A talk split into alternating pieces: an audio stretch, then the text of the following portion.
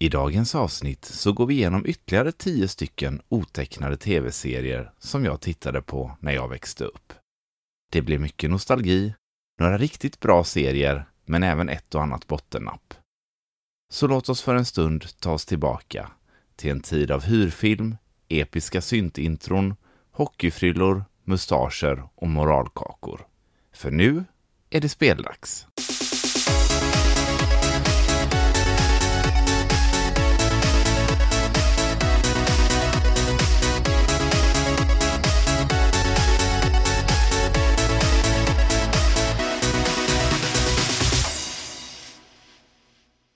I förra avsnittet gick vi igenom flera stora omtyckta serier som Frasier, Friends och Rederiet.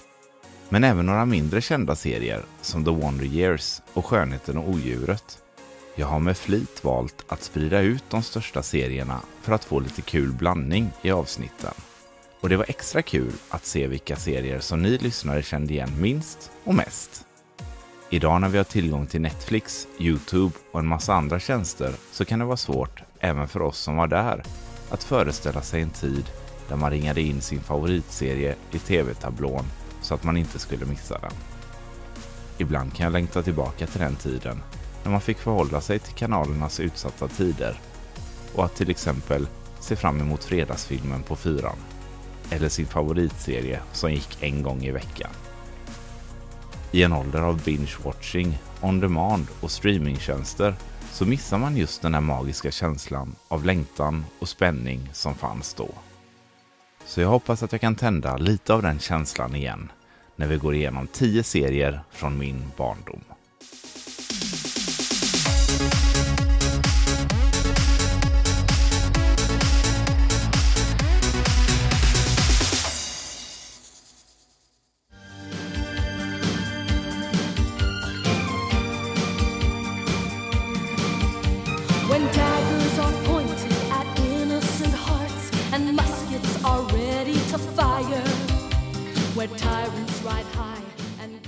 Det är få serier som är så starkt kopplade till nostalgicentrat i min hjärna som Zorro.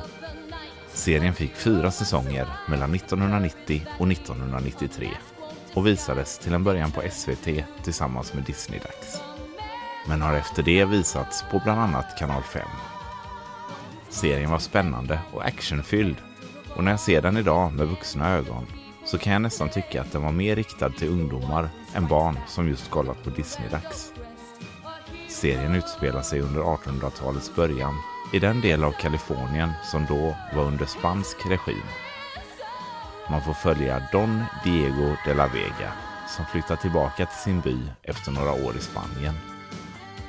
Vad han upptäcker är en korrupt borgmästare som styr staden med ett järngrepp.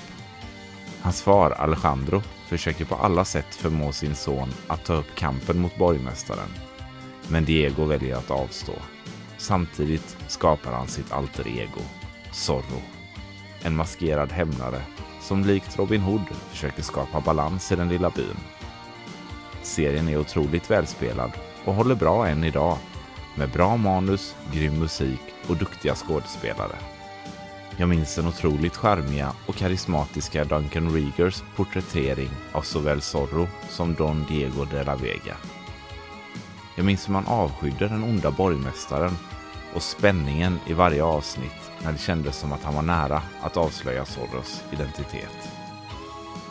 Andra minnesvärda karaktärer är såklart Victoria, som är för Zorro och Diego vad Lois Lane är för Stålmannen och Clark Kent. Felipe, den stumma hjälpredan som var den enda som visste om Zorros riktiga identitet. Och stadens sergeant Mendoza, som egentligen var snäll men var fast i borgmästarens grepp. I seriens andra säsongavslutning så lyckas borgmästaren Ramone dra av masken och se Zorros riktiga identitet. Detta får honom dock att tappa fotfästet och han faller mot sin död. Detta är en av scenerna som jag minns extra tydligt från när jag var liten. Dels för att det var ovanligt att se en huvudkaraktär dö, men även spänningen i de sekunderna där Zorro stod avmaskerad inför sin fiende. Michael Tylo, som spelar borgmästaren, levererar en trovärdig reaktion när han inser att det är De La Vega som är Zorro. I nästa säsong var det en ny borgmästare på plats och Zorros kamp fortsatte. Jag tycker serien håller måttet än idag och hoppas att någon av streamingtjänsterna i Sverige kan börja visa den igen. Then from out of the night, a hero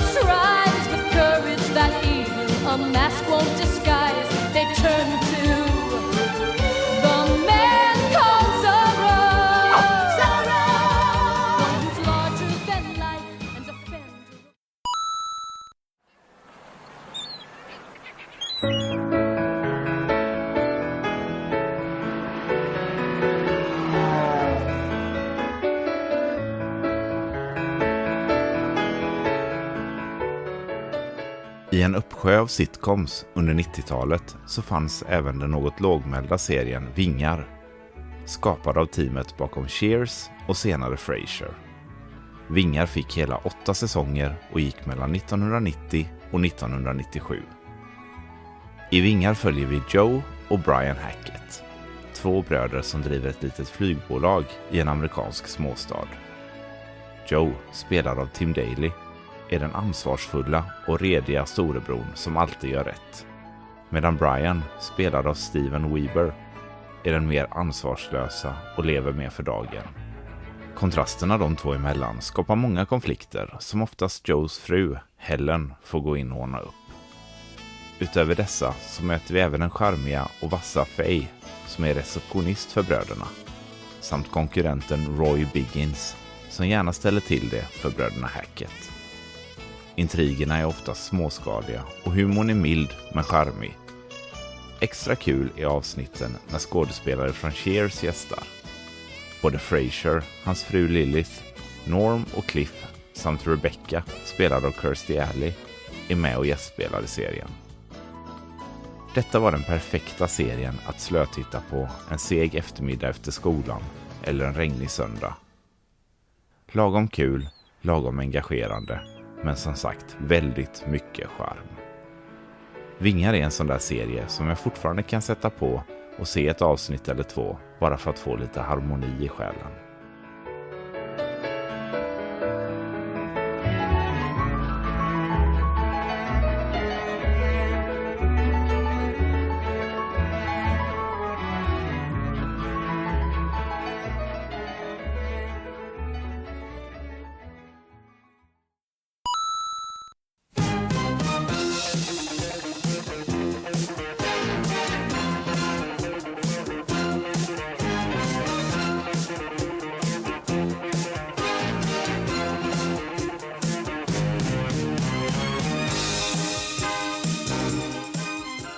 Under 80-talet var det inte många som bar en mustasch som Tom Selleck gjorde.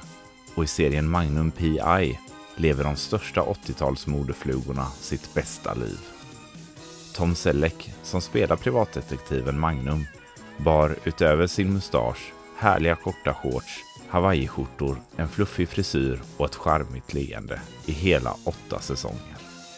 Serien gick mellan 1980 och 1988 och var en hit både i USA och i Sverige.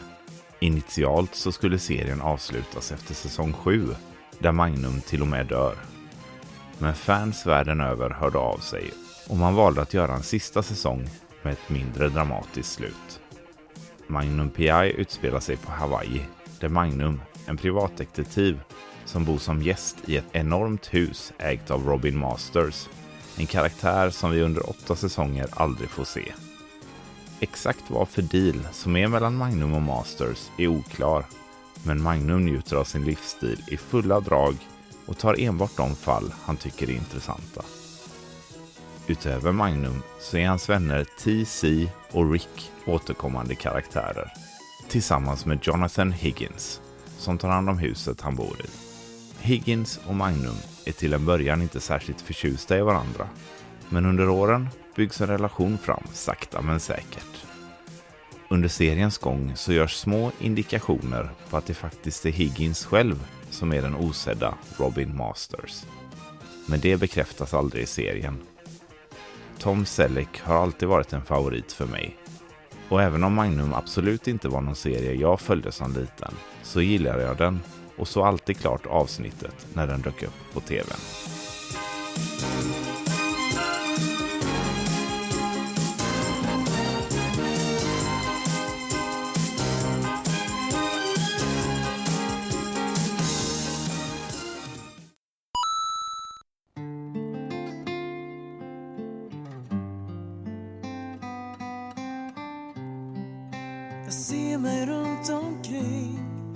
Jag saknar ingenting Bara vi är vänner Under 90-talets mitt så fullkomligt exploderade såpoperagenren. Varje kanal skulle ha sin egna satsning. En av de serierna var Vänner och fiender. Serien gick mellan 1996 och 2000 och visades inledningsvis på TV3 för att sedan flytta över till kanal 5. Jag vet att jag följde serien med spänning i mina tidiga tonår. Men efter jag sett ett av avsnitten på Youtube inför det här avsnittet så kan jag verkligen inte förstå varför. Lövtunt manus och rätt låg kvalitet på skådespelarinsatserna. Men det är alltid kul att se skådespelare i sina unga år, som till exempel Rakel Molin, Niklas Engdahl och Rafael Edholm. Samt Janne Loffe Karlsson som den elaka tidningschefen. Men utöver det så hade serien inte åldrats så väl. Men 1997 tyckte jag detta var guld. Ge dig allt och lite till Finns där när du vill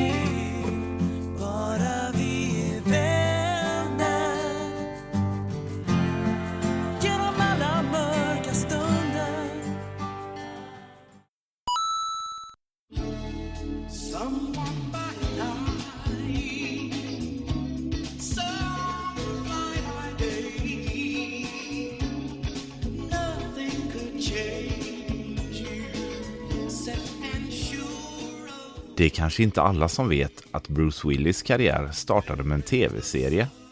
Från 1985 till 1989 spelade han och Sybil Shepard privatdetektiverna David och Maddie i serien Par i brott. Eller Moonlighting som serien egentligen hette. Par i brott visades på SVT och jag minns det som en spännande deckare som jag ofta tittade på tillsammans med min mamma. Efter Maddie, en före detta modell, blivit lurad av sin revisor väljer hon att stänga ner alla sina företag. Men David, som jobbar som privatdetektiv, övertalar henne att behålla detektivbyrån och han föreslår att hon själv ska börja jobba där. Sagt och gjort så startar David och Maddie upp privatdetektivbyrån Blue Moon Investigations. Under seriens gång så gästar många numera kända skådespelare par i brott. Som till exempel Tim Robbins, Whoopi Goldberg och Pierce Brosnan. Serien blev extremt populär i USA och gjorde framförallt Bruce Willis till en superstjärna. Willis, som arbetat som bartender när han fick rollen, gick vidare till att bli en av 90-talets mest efterfrågade skådespelare.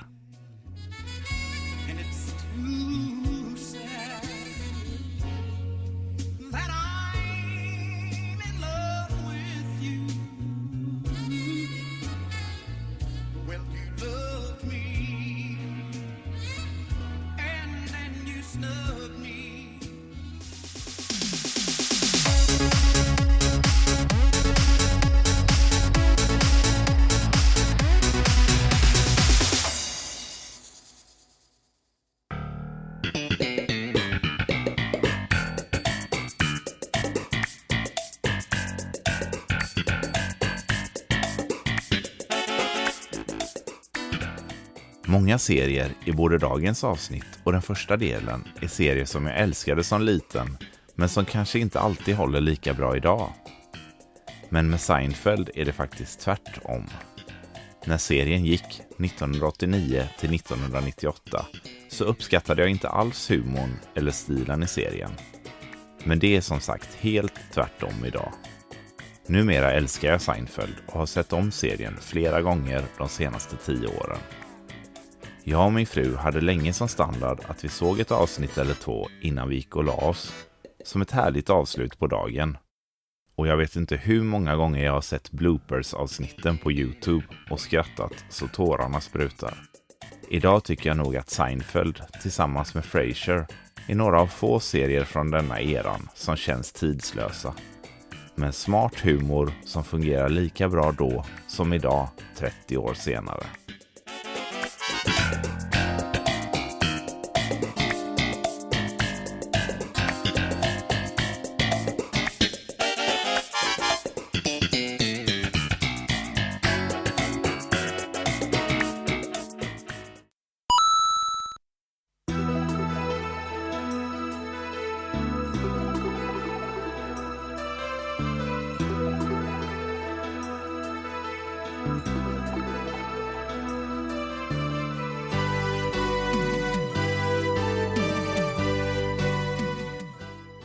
Hockeyfrilla?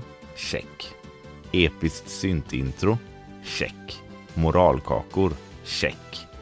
MacGyver prickar in nästan alla boxar på nostalgitestet och var en stor favorit hos oss när jag var liten. MacGyver kräver kanske inte någon närmare introduktion då han med sin uppfinningsrikedom och vapenvägran kunde ta sig ur även de mest omöjliga situationer med hjälp av sin schweiziska armékniv och vardagliga ting som silvertejp, tuggummi, gem och liknande. Detta har myntat begreppet MacGyverism som innebär nödlösningar med det material som finns tillgängligt. Och det är ändå imponerande när en tv-serie gör avtryck i den verkliga världen. MacGyver fick sju säsonger och gick mellan 1985 och 1992. Två år senare kom två stycken filmer, Lost Treasure of Atlantis samt Trail to Doomsday. Jag minns att MacGyver gick rätt sent en vardag i veckan när jag var liten. Men att jag ändå fick vara uppe och se avsnittet för att min mamma också tyckte att det var spännande.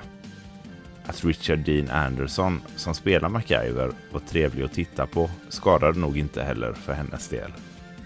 Jag har alla sju säsonger på DVD och har sett serien i sin helhet mer än en gång. Jag tycker ändå att de tre första säsongerna är riktigt, riktigt bra och håller än idag. Men mot slutet av serien blev det lite väl mycket nödlösningar och fläskiga moralkakor som jag anser drog ner kvaliteten på serien. Men MacGyver tillhör en av de serierna som alltid kommer leva kvar i mitt nostalgihjärta och bara introt gör mig varm ända in i själen.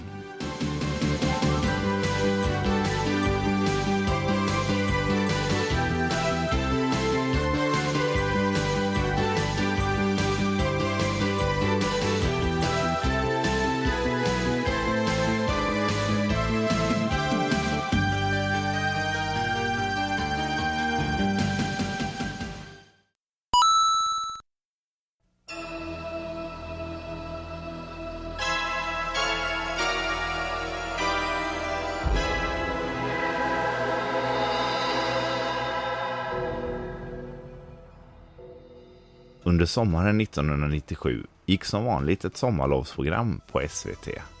Detta år hade SVT satsat på serien Salve som handlade om pojken Nils som råkade åka tillbaka i tiden till 1300-talet.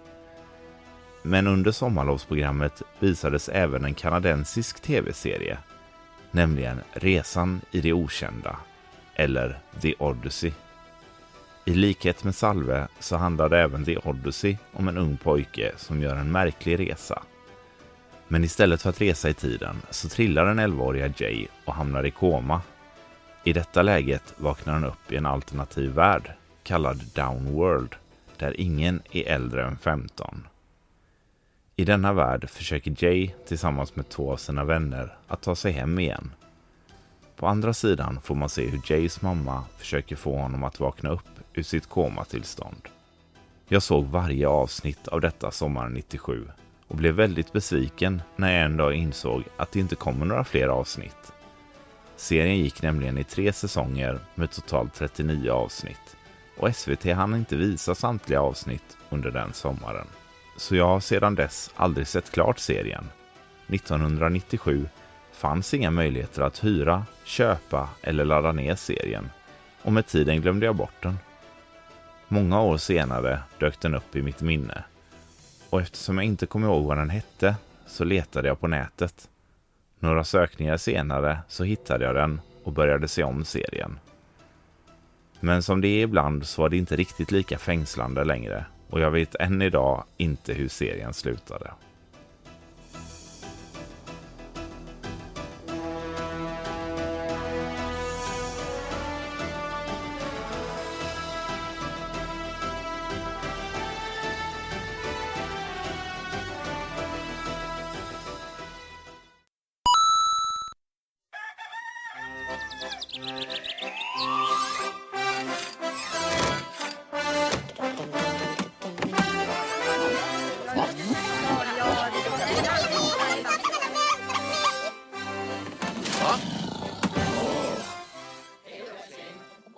Sveriges mest populära serie från 90-talet är Svensson Svensson. En härlig komediserie om familjen Svensson med pappa Gustav som brevbärare, mamma Lena som jobbar på bank och deras barn Lina och Max. Trots att det känns som att jag sett minst 50 avsnitt av serien så kom det endast två säsonger med 12 avsnitt vardera, 1994 och 1996. Seriens andra säsong hade alltid minst 2,5 miljon tittare per avsnitt. Vilket gör mig ännu mer förundrad över att serien inte fortsatte direkt därefter. Istället kom säsong 3 och säsong 4 11 år senare, 2007 respektive 2008. Men de har jag aldrig sett. Serien visades på SVT och utöver de fyra säsongerna så har det gjorts två filmer samt en pjäs baserad på serien. När jag var liten och var över hos min mormor och morfar så var alltid Svensson Svensson en höjdpunkt. Dels för att de enbart hade så kallad skogs-tv, alltså ettan, tvåan och fyran. Men även för att min morfar alltid tyckte att den var så rolig. Jag minns tydligt hans bullriga, basiga skratt när Allan Svensson som spelar Gustav drog några fyndiga kommentarer. Och bara det minnet i sig gör att serien förtjänar en plats på min lista. Thank you.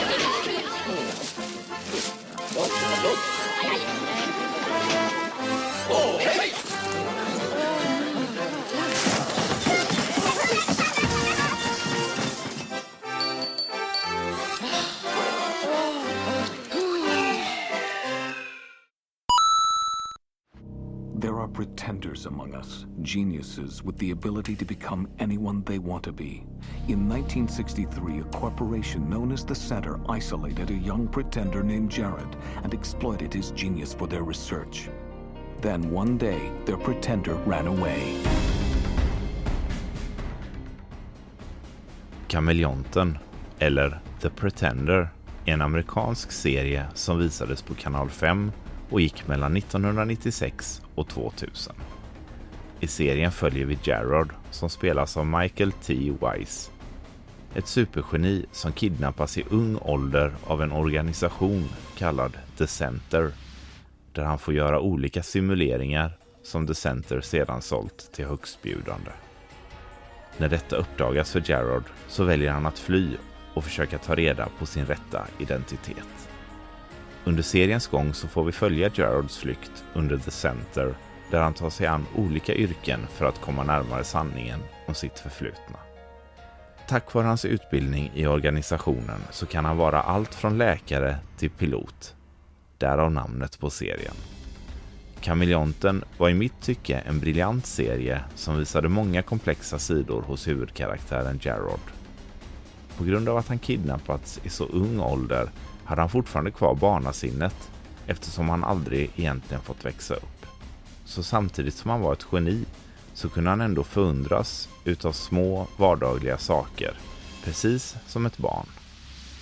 En annan intressant del av karaktären var samspelet med hans tidigare hanterare, Sidney som på många sätt blivit den föräldern han aldrig fick ha. Och man får ofta se hur han dras mellan sitt förflutna och sin jakt på sanningen. Varje avsnitt har även segment från en ung Gerard som gör något typ av experiment eller liknande. Och det knyter oftast an till nutiden på ett eller annat sätt. Utöver Gerard så får vi även följa Miss Parker, Sydney och Brutes som alla jobbar för The Center och försöker få tag på Gerard. Men under seriens gång så blir det tydligt att The Center har många nivåer av ondska och vid flera tillfällen väljer de tre att helt enkelt låta Gerard komma undan. En sidostory i serien är händelsen kring Miss Parkers mammas död som mer och mer pekar tillbaka på The Center. Detta är ytterligare en serie som jag följde slaviskt som liten och även om varje avsnitt hade en egen story så fick man hela tiden följa helhetsstoryn bitvis, avsnitt för avsnitt. Jag minns dock att kring säsong 3 så började jag tröttna och jag såg aldrig färdigt serien. I 25-årsåldern så såg jag om hela serien och även de två filmerna som kom efteråt och tyckte att serien ändå höll bra efter alla år. Dock var jag och många andra fans av serien besvikna på att man inte fick ett riktigt avslut på serien och många frågetecken fanns fortfarande kvar även efter den sista filmen.